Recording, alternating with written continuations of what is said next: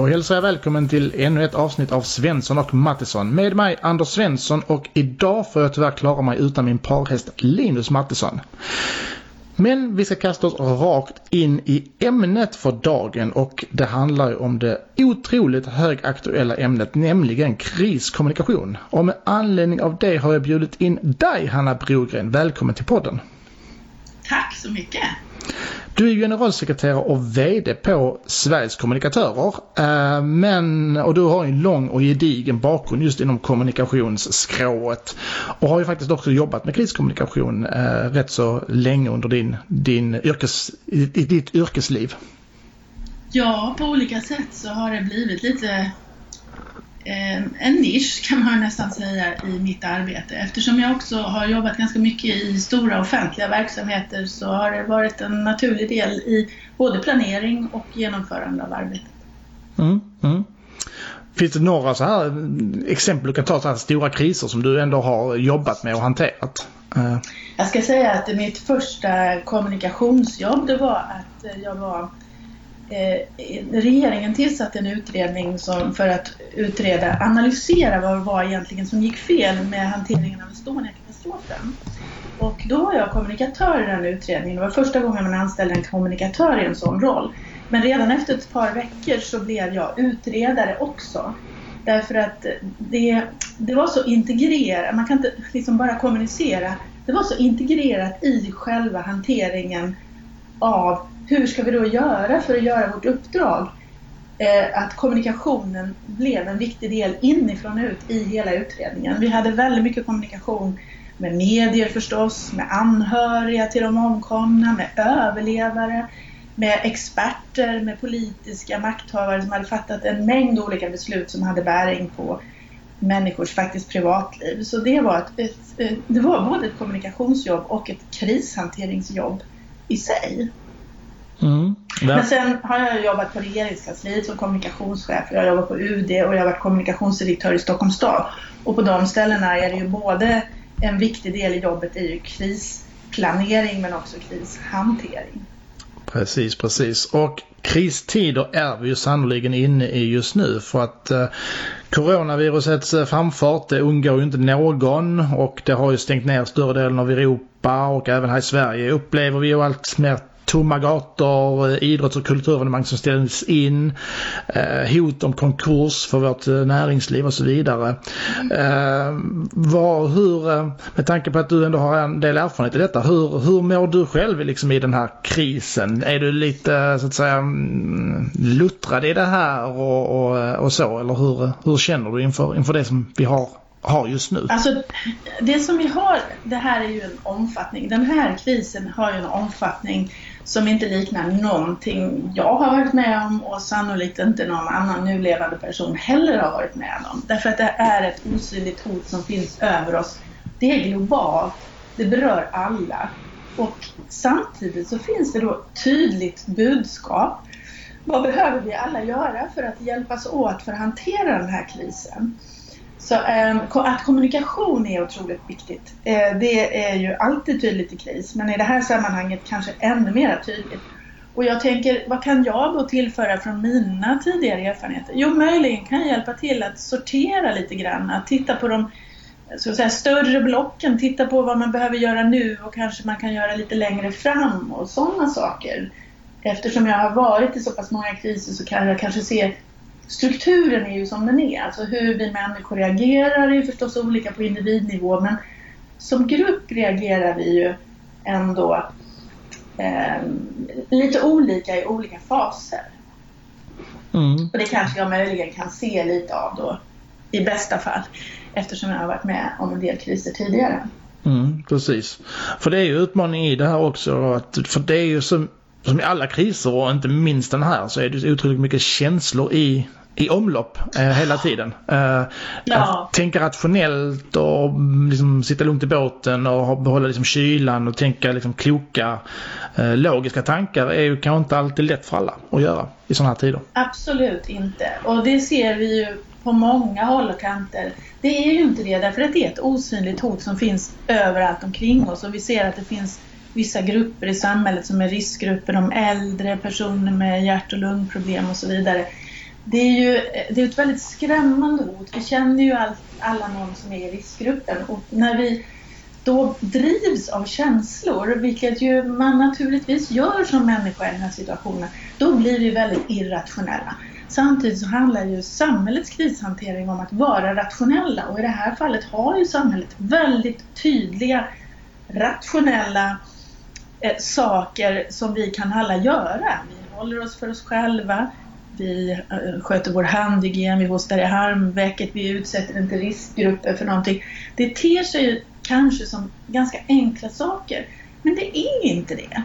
Eh, det är ett ganska stort ingrepp på människors liv att konsekvent inte träffa sina gamla föräldrar eller vad det nu kan vara för någonting. Att konsekvent eh, agera i linje med det här och, och, där tror jag att det är otroligt viktigt att man får pejl på vad är det för målgrupper som, där motståndet mot att anamma de här nya beteendena är som störst och verkligen jobba mot de målgrupperna. För även om målgruppen i det här fallet är alla så är det inte alla samtidigt.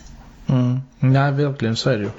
Och som sagt, Sveriges kommunikatörer är ju en ideell medlemsorganisation där du som sagt är VD och generalsekreterare. Och om vi läser på er hemsida så står det ju då att vårt uppdrag är att stärka kommunikationens nyckelroll i företag och samhälle tillsammans med alla som arbetar professionellt med kommunikation.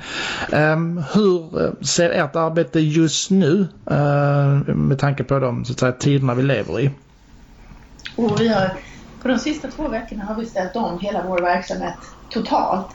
Vi brukar ju ha medlemsevent där våra medlemmar träffas på olika platser runt om i landet och vi har frukostevent och seminarier och sådana saker där man både får in lite kunskap men också kan träffa kollegor och liksom prata med varandra och bygga sitt professionella och personliga nätverk. Det har vi ju helt blåst av. Och från och med nu så erbjuder vi istället webbinarier. Det betyder ju att man måste tänka på ett annat sätt i hur man eh, lägger upp det så att man ändå kan skapa en delaktighet och vi har tittat på olika verktyg. Och, så vi hade vårt första eh, sånt medlemsevent som vår grupp i Umeå gjorde för en vecka sedan och nu har vi en, en, eh, en hel radda med olika sådana förslag. Våra utbildningar har vi också ställt om helt så att de är digitala, både sådana som du kommer att ha online som man kan göra när man själv har tid och sådana som är live, det vill säga man passar en viss tid och man är en grupp med människor som man kan ställa frågor och vara interaktiva just då. Sen tror jag att som medlemsorganisationer är det jätteviktigt att våra medlemmar får möjlighet att snacka med varandra och då har vi våra regionala och nationella Facebookgrupper där man kan kasta ut en fråga som man, alltså kommunikatörer har ju supermycket att göra just nu. Men att eh, man eh, kan kasta ut en fråga och få en diskussion i en av Facebook-trådarna. Så det är helt annorlunda. Sen så ska man ju komma ihåg att vi har en gång om året vår stora gala då vi delar ut pris till bästa kommunikation och det skulle vi haft torsdag den 26 mars och det har vi fått ställa in alltihopa. Så det får vi också försöka hitta en digital form för. Vi vill ju hylla de stora hjältar vi har inom kommunikation men eh, vi får göra det på ett annat sätt nu. Så vi mm. får väl kanske skjuta upp det någon, ett par veckor och sen får vi köra det digitalt. Mm. Det är ju... Det är stora förändringar. Ja visst är det det för allihopa. Um, och jag tänker också liksom alla landets eh, kommunikatörer och inte minst då medlemmarna i er organisation och så. Hur, mm. Vad är er bild av hur, hur rustade de är för att hantera den här krisen? För att nu hamnar ju onekligen, eh, nu får ju onekligen de som jobbar med kommunikation en väldigt nyckelroll i alla sina organisationer. Och vissa är ju tränade och utbildade i kriskommunikation, andra inte men kastas rätt in i det här. Eh, vad är er bild av, av eh, hur rustad man är? Det är väldigt olika. Eh, vi hade en, eh, ett webbinarium som jag nämnde förra veckan som handlade om kriskommunikation. Det var på en basnivå, en liten överblick över hur man kan tänka och vad man behöver göra och liksom att vara lite förberedd. Det var många som hade väldigt stor nytta av det. Så finns det andra som kanske är redan är ganska tränade och har jobbat med scenarier men det här är då någonting helt annat som man måste tänka om och tänka nytt. Och det är väldigt, väldigt olika behov man har vad vi ser att det finns ett stort behov av att lära sig att agera i digitala miljöer och att eh, också kunna, som våra chefsmedlemmar, att, kunna leda medarbetare som, man, som sitter var och en hemma. Hur jobbar man då tillsammans för att skapa en känsla av en arbetsplats och vad kan man använda för digitala verktyg och hur ska jag rent eh, praktiskt förfara med detta? Eh, sen så är det ju också så att den här krisen som ju är en hälsokris i grund och botten har ju utvecklats till en enorm ekonomisk kris på ganska kort tid. Och en viktig sak för företagen är ju förstås finansiell kommunikation. Eh, så att vi kommer faktiskt nu ganska snart, om det är en, de närmaste veckorna eller så, att kunna ha en kurs om finansiell kommunikation i kris. För det är ju väldigt mycket regler som styr hur du ska jobba med finansiell kommunikation men också hur ska du tänka och agera i kris. Så att vi får anpassa utbudet efter medlemmarnas behov. Och för den som inte riktigt bevandrad det här med finansiell kommunikation, vad innebär det liksom rent konkret till exempel? Ja, det handlar ju om eh, hur du, eh, att, att vinna förtroende hos dina viktiga intressenter, dina investerare, dina aktieägare, dina eh, samhället omkring. Eh, hur klarar du, vad finns det för möjligheter i den uppkomna situationen och klarar du och hur ser du till att vara eh, öppen och transparent så att eh, du följer alla regler för eh, hur du ska jobba eh, finansiellt. Så att, eh, alltså om du är börsbolag eller så, så är det ju väldigt tydligt hur, vad det är för regler som styr om din öppenhet och årsredovisningar och sådana där saker. Så mm. exakt vad som kommer ingå i den finansiell kommunikation i kris, men, men att, att det är viktigt att hålla sig till regelverket och att eh, man eh, tänker också strategiskt långt framåt och samtidigt har en väldig öppenhet och transparens kring Eh, hur man eh, arbetar och hur, hur det går. Mm. Och de företag som man säger, har anammat det här sedan innan har ju verkligen ett försprång nu här. Men det, det här sätter ju onekligen den här grejen på dagordningen. För det här har ju varit ett, en grej som man har diskuterat i flera år. Men väldigt få företag och organisationer har tagit det här på allvar och förstått vikten av att vara just där öppen och transparent. Men, men, mm. men nu sätts man ju på prov väldigt mycket. Ja, Ja, det är ju en större trend om man ska säga, eller en inriktning i hela samhället. Att företag och även offentlig verksamhet går mycket mot att vara tydlig med vad man har för grundvärderingar. Vad man står för och det är också ett sätt som gör att man är mer attraktiv som arbetsgivare i många sammanhang. För att folk vill jobba på ett ställe med, som, där värderingarna stämmer med mina egna värderingar. Eh, så så ehm, det, det ligger liksom i tiden redan. Eh, och öppenhet och transparens är det absolut bästa sättet att vinna förtroende. Att inte dölja och förtiga eller försöka försköna saker utan att berätta om dem som de är. Hur man tänker kring dem, hur läget och vad det är man vill åstadkomma. Mm, just. Uh, jag tänker också att dels är det den här krisen nu med coronatider och sådär uh, unik i sig. Uh, men till på köpet mm. så har vi också ett, ett digitalt medielandskap som, jag ska inte kalla det nytt för att det, det är snart inte nytt längre men där vi ju har en, en ohygglig mängd information och påståenden, rykten, felaktigheter, whatever egentligen. Hur ska man liksom kunna hantera det och navigera i detta? För det, det blir ju onekligen ett, ett lagerkaos till på, på allt det här som, som nu sker i samhället. Det här liksom, man pratar någonstans, det var väl här i infodemi eller vad man kallar det för. Eh, man har en pandemi ja. och så har man infodemi någonstans. All info som... Jag kommer faktiskt ha ett webbinarium om infodemi. Ja. Eh, och kanske också en lite kortare kurs. Alltså kunskapsresistens, infodemi. Eh, det är ju ett stort problem. Om vi tittar, om man ska vara, säger man är kommunikatör i det här läget, mm. säger att du jobbar i en offentlig verksamhet, din målgrupp är alla. Alla ska få, få oss att delta i att hindra smittspridning. Det förutsätter ju att alla vill delta i att hindra smittspridning, att alla förstår att ett visst beteende är felaktigt, ett annat är korrekt. Eh, och då kan man ju ehm, tycka att man kan eh, försöka bryta ner i målgrupper och nå olika målgrupper. Vad du däremot inte vet är ju vad, dessa, vad alla människor har för olika komponenter av information i sina sociala flöden. Det får man ju liksom inte någon överblick på i dagsläget som du fick i det gamla medielandskapet där du kunde titta i tidningarna eh, och, och få, en, få en överblick. Nu pågår det i flödena och med massa kommentarer och det vet vi också att det som delas från någon man känner det har ett högre värde än om det delas från eller om det är köpt plats, eh, annonsplats i ett socialt flöde. Så en grej blir viral, folk tror på den och sen så eh, eh går den igenom en massa eh, läger där folk tror att det här är korrekt information. Ofta syftar ju det till att skapa kaos i samhället. Sånt har vi ju massor utav i den här infodemin och det är väldigt svårt att få en känsla för vad det är och vad som når olika målgrupper eller personer och hur man från samhällets sida ska hindra det här. Det är ju enormt svårt. Ja, och just att veta som, för menar, som kommunikatör är det A och O att vara liksom målgruppsorienterad och veta vad, vad varje målgrupp behöver. Men, men här är det så svårt för just att eh, varje målgrupp kan liksom konsumera olika typer. Vissa läser bara kanske den lokala tidningen, andra tittar på någon YouTube från USA eller vad det var. Alltså det, det är så otroligt spretigt och mångfacetterat idag att det är så svårt att veta vilka kunskapsluckor och behov har liksom varje ja, individ. Absolut. Men tänk unga människor som då inte är en riskgrupp i det här fallet, som blir liksom ska helt plötsligt, kanske halvomotiverade gymnasieelever ska helt plötsligt sitta hemma och plugga på ett sätt som de inte är vana vid. Och så är man van vid att man underhåller sig via Youtube. Och på Youtube så dimper det ner allt möjligt relaterat till till exempel coronakrisen och, och hur mycket desinformation som helst. Hur ska man som samhälle kunna vara en motvikt till det?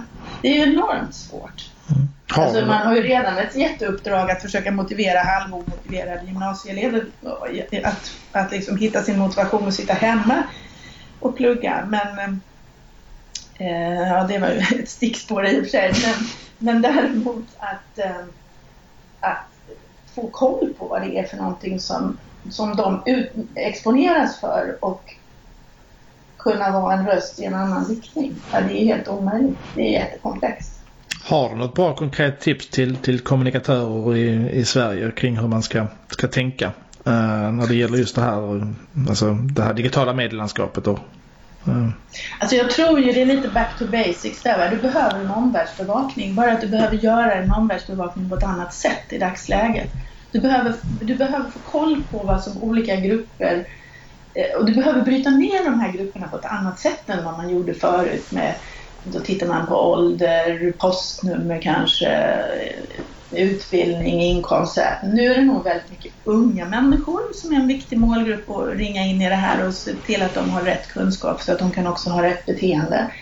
Och jag tror eh, att du behöver liksom få grepp om vad det är för något som finns i olika sociala flöden Eh, Eh, utifrån ett antal personas eller, eller målgrupper som du tänker. Alltså omvärldsbevakning då. Och lägeskoll. Hur, och där finns det ju väldigt mycket verktyg i den digitala världen. Att se eh, dels hur din egen kommunikation lyckas. Vad är det för målgrupper, vad är det för budskap som olika målgrupper tar till sig? Hur klickar man? Hur rör man sig i den digitala världen? Det är ju större möjligheter till det nu i den digitala världen och det är kopplat till en, en omvärldskoll på vad är det för någonting som omger dem för övrigt. Så är det ändå en, liksom ett sätt att börja bearbeta. Det är ju jättemycket data. Det är ju stora mängder data. Så det är ju liksom nya kompetenser som behövs hos, hos kommunikatörer. Det visste vi ju redan innan det här, men det här sätter liksom allting, det accelererar allting eh, och sätter det på sin spets.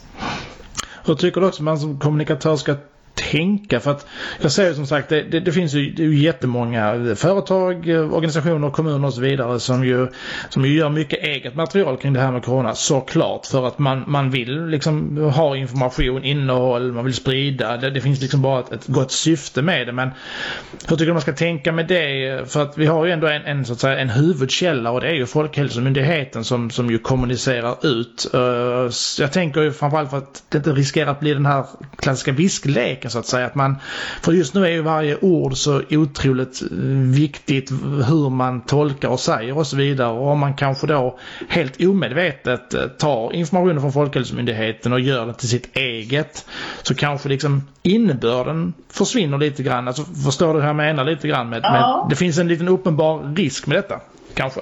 Ja, men jag tror det. Och sen, så, eh, absolut, och egentligen så är ju huvudbudskapet tvätta händerna. Eh, och, och och håll dig borta från andra människor. Eh, om vi håller oss till det hälsobudskapet som, som ju verkligen är det som kommer att göra effekt och som ger effekt. Eh, men, och det finns ju verkligen, jag håller verkligen med dig, det finns ingen anledning, definitivt inte från olika myndigheter, kommuner och andra, att göra egna tolkningar på hur du tvättar händerna och, och, och de där råden, stanna hemma om du är krasslig, nys i armvecket och allt det där. Det där är ju bara så. Sen kan man väl säga att vissa målgrupper har absolut dels ingen kontakt med myndigheter och kanske inte bryr sig om vad de säger. eller inget förtroende för dem. Och då kan man ju behöva fundera på vem är bärare av budskapet på ett trovärdigt sätt till de målgrupperna. Och då kanske man behöver formulera om det. Men jag såg till exempel en film på eh, Instagram om hur du tvättar händerna. Det var ju en enkel film och uppifrån ett handfat där man bara visar hur man ja, sätter på kranarna, gnuggar upp glöder och bla bla bla, tvättar, tvättar och sen så använder pappershandduken för att stänga av kranarna och torka sig ordentligt. Ja, okej, okay, det var ju samma budskap som Folkhälsomyndigheten gör. Men det kom från en annan källa och den källa, och sättet som det var filmat var ju jätteenkelt. Alltså en mobilfilm och 30 sekunder.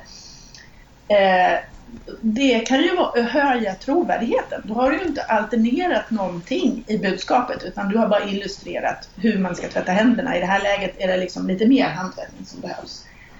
Så det behöver inte vara fel. Men jag tror att om du är en myndighet eller kommun eller så, så är det nog mest kostnadseffektivt att, att ta Folkhälsomyndighetens eller någon annan myndighets eh, fasta information och använda den. Ja, hänvisa dit i, i stor utsträckning. Ja, att, äh, det ja, kan du absolut. göra. Ja, absolut. Du, vilka tycker du, vi nu så här lite grann sätter oss i skolbänken för en liten kort stund. Eh, de primära nyckelfaktorerna bakom en bra kriskommunikation som du nu tycker det finns all anledning att, att tillämpa i de här tiderna. Eh, vilka skulle du säga att de är? Mm. Alltså det är väl som med all möjlighet att jobba flexibelt och planera om, eh, vilket ju blir mer och mer accentuerat i allt arbete i våra tider när eh, man pratar om disruption, alltså verksamheter, förutsättningar förändras över en natt för olika verksamheter. Eh, så skulle jag vilja säga att i det här fallet så är det ju otroligt viktigt att man har en plan innan. sen, alltså vad är det man, gör man rätt saker och är man, har man en förmåga att ställa om och hur jobbar man i så fall i den här krisen. Så att ha ett kristänkande, en krisberedskap och en form av krisplan, det tror jag är nummer ett. Och det har man ju om man är en eh, offentlig verksamhet, bör man ha i alla fall träna, öva personalen lite då och då. Men företag kanske inte riktigt har det på den här nivån som det har kommit nu, att helt plötsligt så får man inte sina komponenter till att tillverka det man ska. Vi ser hur globalt beroende alla företag är av varandra. Så det är klart att det går inte att planera för en sån här kris, men, men att man ändå har ett kristänkande tror jag är, är liksom första steget. Sen eh, är ju kommunikationen, ja, det är väl 80-90 procent av all krishantering. Och i det här fallet när det handlar om att alla är målgruppen och vi ska ändra ett beteende Eh, då är det ju eh, extremt viktigt att eh, den kommunikationen når till rätt målgrupp och att man följer upp att man når resultat med den.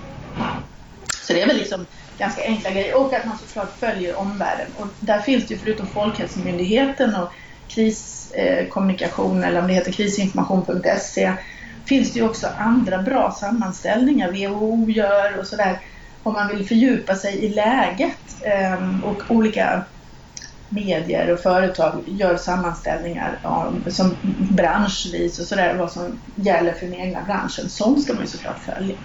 Mm.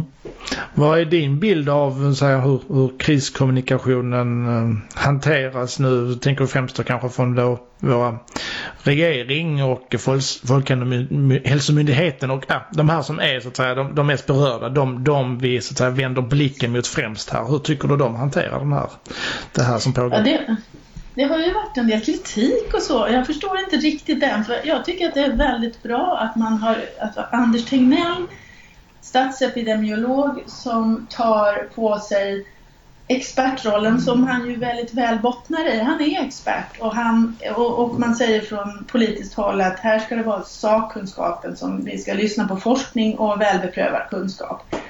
Jag tycker att det är ett bra, en bra arbetsfördelning. Sen måste jag ju säga att jag är imponerad av hur han orkar och hur han kan vara så närvarande, Anders Tegnell. Så att eh, om man tänker att det här är en långvarig kris så bör man nog fundera på att ha en avlösare till honom så att inte det blir eh, att, att allt står och faller med honom.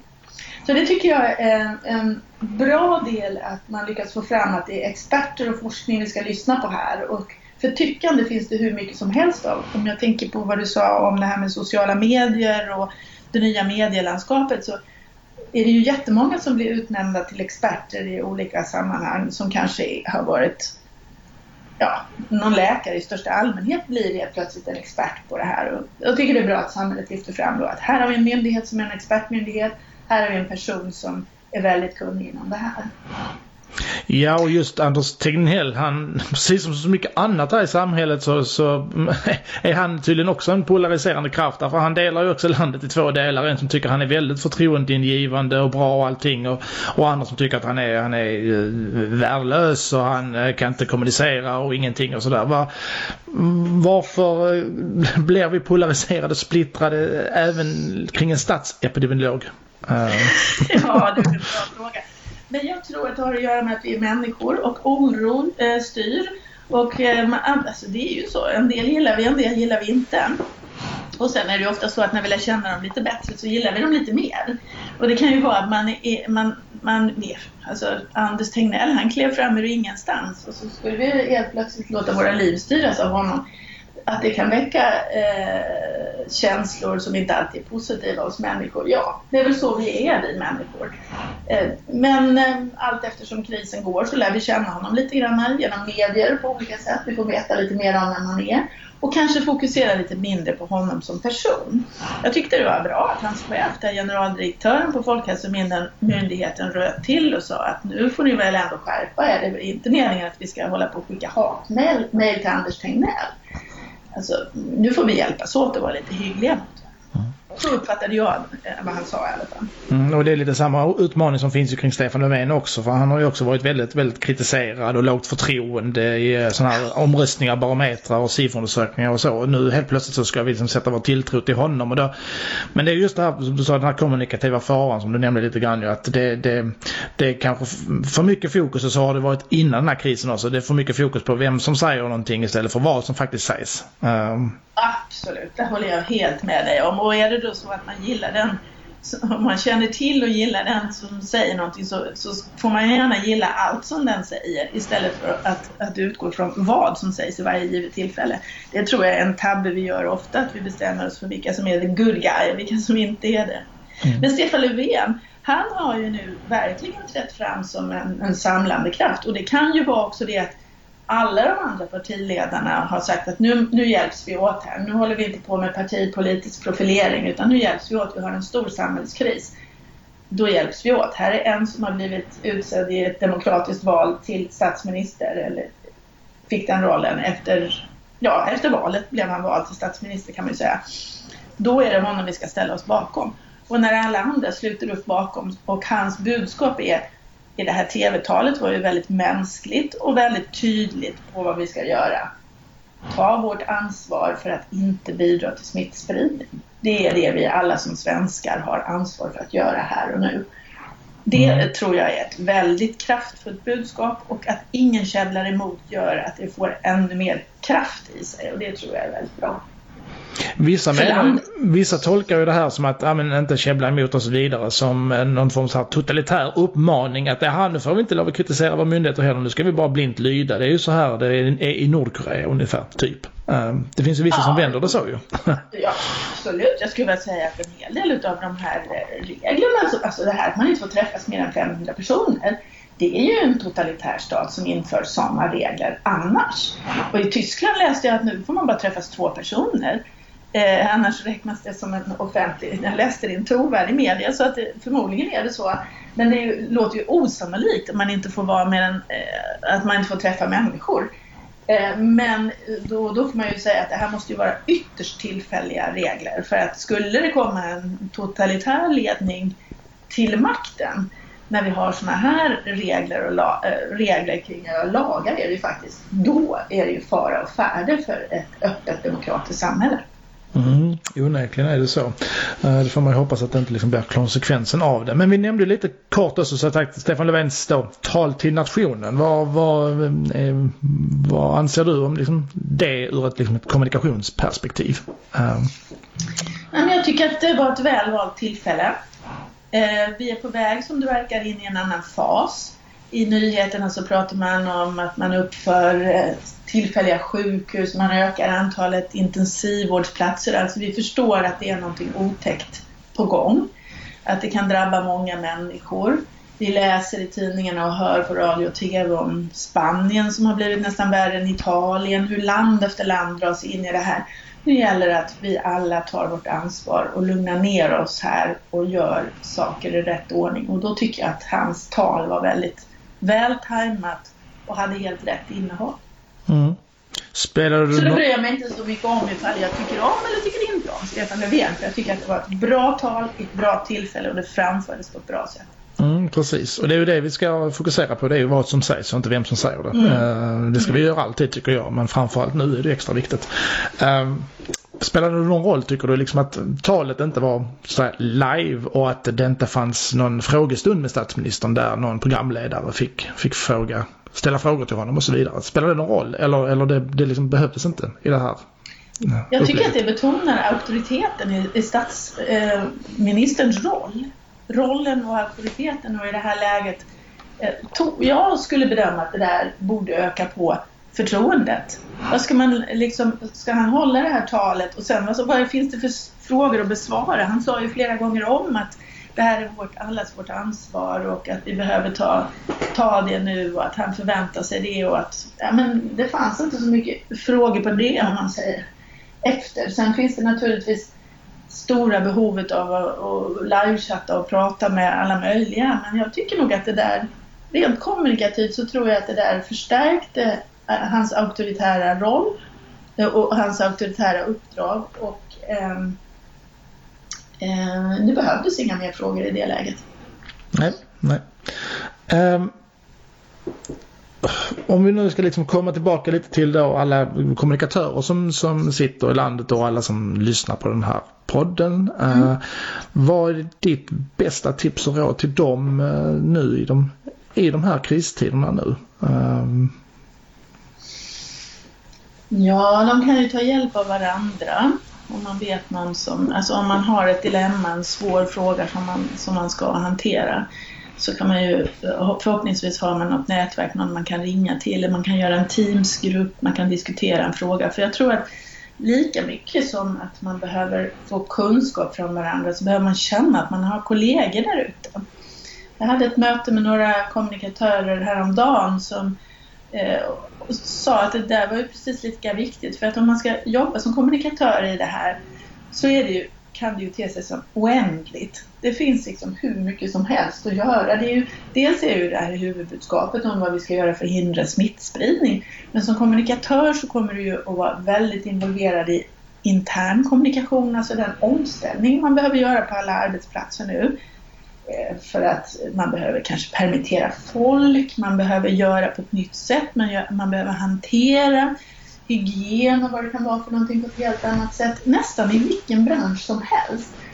Och sen behöver du tänka igenom om du är på marknadskommunikation, vad har vi för eh, planerad marknadskommunikation, vad har vi för annonser och annat, hur funkar det i den värld och tid vi lever i här och nu, hur kan det uppfattas? Så, alltså, kommunikation har ju hur mycket som helst att göra i det här och då gäller det ju prioritera. Få en överblick, prioritera och samarbeta med andra kollegor så att man, man ser helheten. Och där är ju kommunikatörer, skulle jag säga, egentligen de enda, eh, förutom då kanske VD och ledningsgruppen så, men som har en en helhetssyn på organisationen. För kommunikatörer kommer in i alla möjliga sammanhang och processer för att hjälpa till och stödja och stötta chefer och coacha och sådär. Så man har en bra helhetsbild. Och det ska man utnyttja nu, tänker jag, för att samarbeta och säga att det här är viktigt, det här måste vi göra nu och sen gör vi det där. Mm. Vad säger du Anders? Jag håller fullständigt med och jag tycker att det är väl ett ypperligt tillfälle att framförallt eh, plocka upp kommunikatören i organisationshierarkin. Eh, för att eh, sen är det, ser det ju, har det inte sett ut så på många håll, eller det har blivit bättre på många håll att man faktiskt tycker att kommunikatörer till exempel har en given plats i ledningsgrupp och ska liksom vara involverade väldigt mycket. Men ofta i många organisationer så är det också så att kommunikatören är väldigt långt ner stoppad i, i hierarkin och kanske inte har det förtroendet och de mandaten som man faktiskt borde ha. Och jag tycker att det här är väl ett ypperligt tillfälle nu att faktiskt lyfta upp och erkänna kommunikatören som en av faktiskt en organisations eller företags viktigaste roll. Faktiskt. Ja, det håller jag med dig om. Därför att den, den organisation som inte ropar på kommunikation nu som en, hur ska vi uttrycka oss? Hur ska, alltså, hur ska vår tonalitet vara? Det är ju alltifrån från hur, hur vi tilltalar våra olika intressentgrupper till hur vi jobbar internt. Hur vi prioriterar avgör ju, är ju också kommunikativt för det avgör ju vilka värderingar som är styrande. Och allt det där, det ser kommunikatörerna, eller är vi tränade för att se. Och då, eh, då är det ju en självklar sak att man ser vilket värde detta skapar. Kommunikationen skapar ett värde i sig. Och det värdet behöver ju företag och organisationer dra nytta av även i icke-kristid. Och krisen får kanske fler att se vad det är för någonting. Och det är ju helt otroligt om man har en resurs i sitt företag eller sin eh, myndighet eller var man nu jobbar som man inte utnyttjar fullt ut. Eh, det har man inte råd med utan man behöver ju ta hand om den kompetens man har och eh, det vet vi ju att folk blir bäst om man får veta vad är det för mål jag ska bidra till och vad har jag för ansvarsområde och att själv då komma med förslag på vad jag ska göra för att nå de målen. Mm. Än att be om, en, be om en specifik, det har jag ju hört många kommunikatörer som säger att man vill ha en, man vill ha en, en webb, förut var det ju alltid en trycksak, man vill ha en, en, specifik grej för att man tror att man ska lösa det problemet. Ja, men låt kommunikatören tänka kring vad är det för problem? För då kommer det ju fram vad det är för olika målgrupper, vad det är för interna avdelningar som berörs, hur ser omvärlden ut kring de viktiga målgrupperna och då kanske man inte alls landar i att man ska ha en annons eller en webbsida utan man kanske landar i att man ska ja, göra någonting helt annat. Mm, och sen tycker jag också min, min bild har varit rätt mycket när man varit ute att det här med liksom kommunikation har underskattats lite grann eller rätt mycket på vissa håll av eh, chefer och andra högtstående inom företag och organisationer. Att man tänker att det här med kommunikation, ja men det, det kan vi väl också hantera här. Eh, vi kommunicerar ju hela tiden och så vidare. Men man inte riktigt har förstått kanske hur, hur komplext det är och vilken spetskunskap det faktiskt är att, att kunna behärska just kommunikation. Ja men precis, vi hade ju ett forskningsprojekt här som Sveriges kommunikatör var huvudfinansiär som Lunds universitet genomförde. Det la, det la ju fram sin slutrapport i fjol eh, om kommunikativa organisationer. Och det var 11-12 olika eh, företag och myndigheter som var med och, och var en del i det här. Så att man hade ju en väldigt stor bas utav enkäter som man kunde skicka ut på de här stora arbetsplatserna. Och då ser man att den kommunikativa organisationen, jag menar okej, okay, en organisation är alltid kommunikativ för att även om du inte kommunicerar så blir det ju kommunikation. Det är någonting som tolkas hos någon. Men den kommunikativa organisationen, när du verkligen tänker igenom din kommunikation, att ledningen faktiskt säger någonting som är tydligt och begripligt utav alla olika nivåer i företaget och att olika nivåer kan bidra på sitt sätt Eh, genom att dela med sig av kunskap. Kommunikationsavdelningen kan hjälpa till genom att dela med sig av sina metoder. Eh, man tänker hela tiden att man behöver kommunicera på olika sätt som är lämpligt i den givna situationen. Då får man en bättre hållbarhet i organisationen. Folk trivs bättre, är friskare. En massa positiva bieffekter utav eh, att vara en kommunikativ organisation och alltså förstå kommunikationens betydelse. Sen kan det ju vara sådär att ledare tänker att ja, men bara jag lär mig retorik och, och presentera, presentationsteknik, ja, men det är ett litet spår i det hela. Men det är ju så mycket mer och det, det, det där med presentationen så det syns ju väldigt tydligt. Men det är ju väldigt många andra delar som bär upp kommunikationen. Alltså att man jobbar systematiskt med kommunikationssystem. Eh, det eh, skapar sammantaget den viktiga effekten. Mm, mm. Blev det för abstrakt? Nej, men det tycker jag inte. Utan jag, jag tycker att det, det, är väl mm, det är viktiga saker att poängtera. Och just att, att just det här med kommunikation och en kommunikatör och så vidare. Det, det, det genomsyrar så otroligt mycket liksom. Uh, det innefattar i stort sett allting någonstans. Uh, det är ju liksom den här ytan skulle jag vilja säga. Alltså en kommunikationsavdelning är ju ytan varpå ett helt företag och organisation faktiskt ska, ska luta sig emot. För det är ju det, de som har ju kontakt med omvärlden. Och jag menar utan deras hjälp, kunnande och kompetens, ja men då, då kommer man inte att nå sina medborgare eller sin målgrupp eller vad det kan vara. Ehm, så att... Absolut. Jag ska säga ett kommunikationschefsjobb som jag hade ehm, det bygger ju på, för att man ska kunna vara en bra kommunikationschef behöver man ju också en bra chef och en bra ledningsgrupp där man kan vara öppna och där man som kommunikations, den som företräder kommunikationskompetensen får lov att lägga sig i vad de andra gör. För det finns ju många sakenheter eller sakavdelningar som IT-avdelningen till exempel som tänker väldigt mycket kring effektivitet. Nu ska vi åstadkomma de här förbättringarna med de här IT-stöden. Ja men vänta, användbarhet, användarinteraktion tänker ju kommunikatörerna. där. Hur ska vi få folk att ändra beteenden? Hur ska vi förklara nyttan med det? Så där är ju kommunikation en given del. Så har vi HR, de har olika chefsutvecklingsprogram och man får lära sig om svåra samtal och man får lära sig lite olika grejer.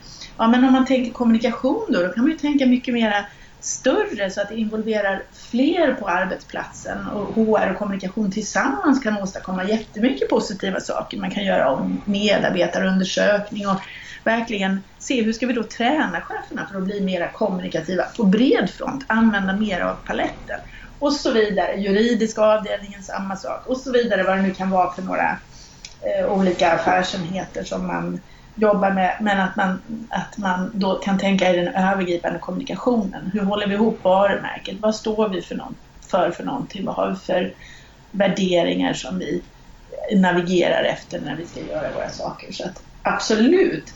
Eh, men det kräver ju en bra ledning för att man ska kunna få lov att eh, integrera kommunikationen i allt man gör. Mm, verkligen, det är A och O. Det är det Och hur tror du liksom, om vi nu ska ta lite det här, det lilla i det stora någonstans eh, i allting som händer. Hur, hur tror du att den, kan den här hur kan den här krisen kanske komma att förändra kommunikatörens roll? För det har ju onekligen varit en, en, ett, ett yrke som ju um, har varit ifrågasatt uh, på vissa håll och kanter och nu blir man ju till och med erkänt som ett samhällsviktigt jobb eftersom det fanns med på den här listan över alla yrkena som, som anses vara samhällsviktiga. Um, hur, på vilket sätt tror du att kommunikatörens roll och anseende kan förändras uh, av, av de här kristiderna som vi upplever? Alltså dels så är ju eh, kommunikatörens roll mycket, mycket specialiserad i dessa dagar. Likaväl som det finns kommunikatörer som är generalister, det vill säga som kan ledning och ledarskap och kan stötta ledning och ledarskap eh, eh för att man eh, liksom kan göra rätt saker, att redan nu sitta och tänka i steg två och steg tre i scenariotänkande och så.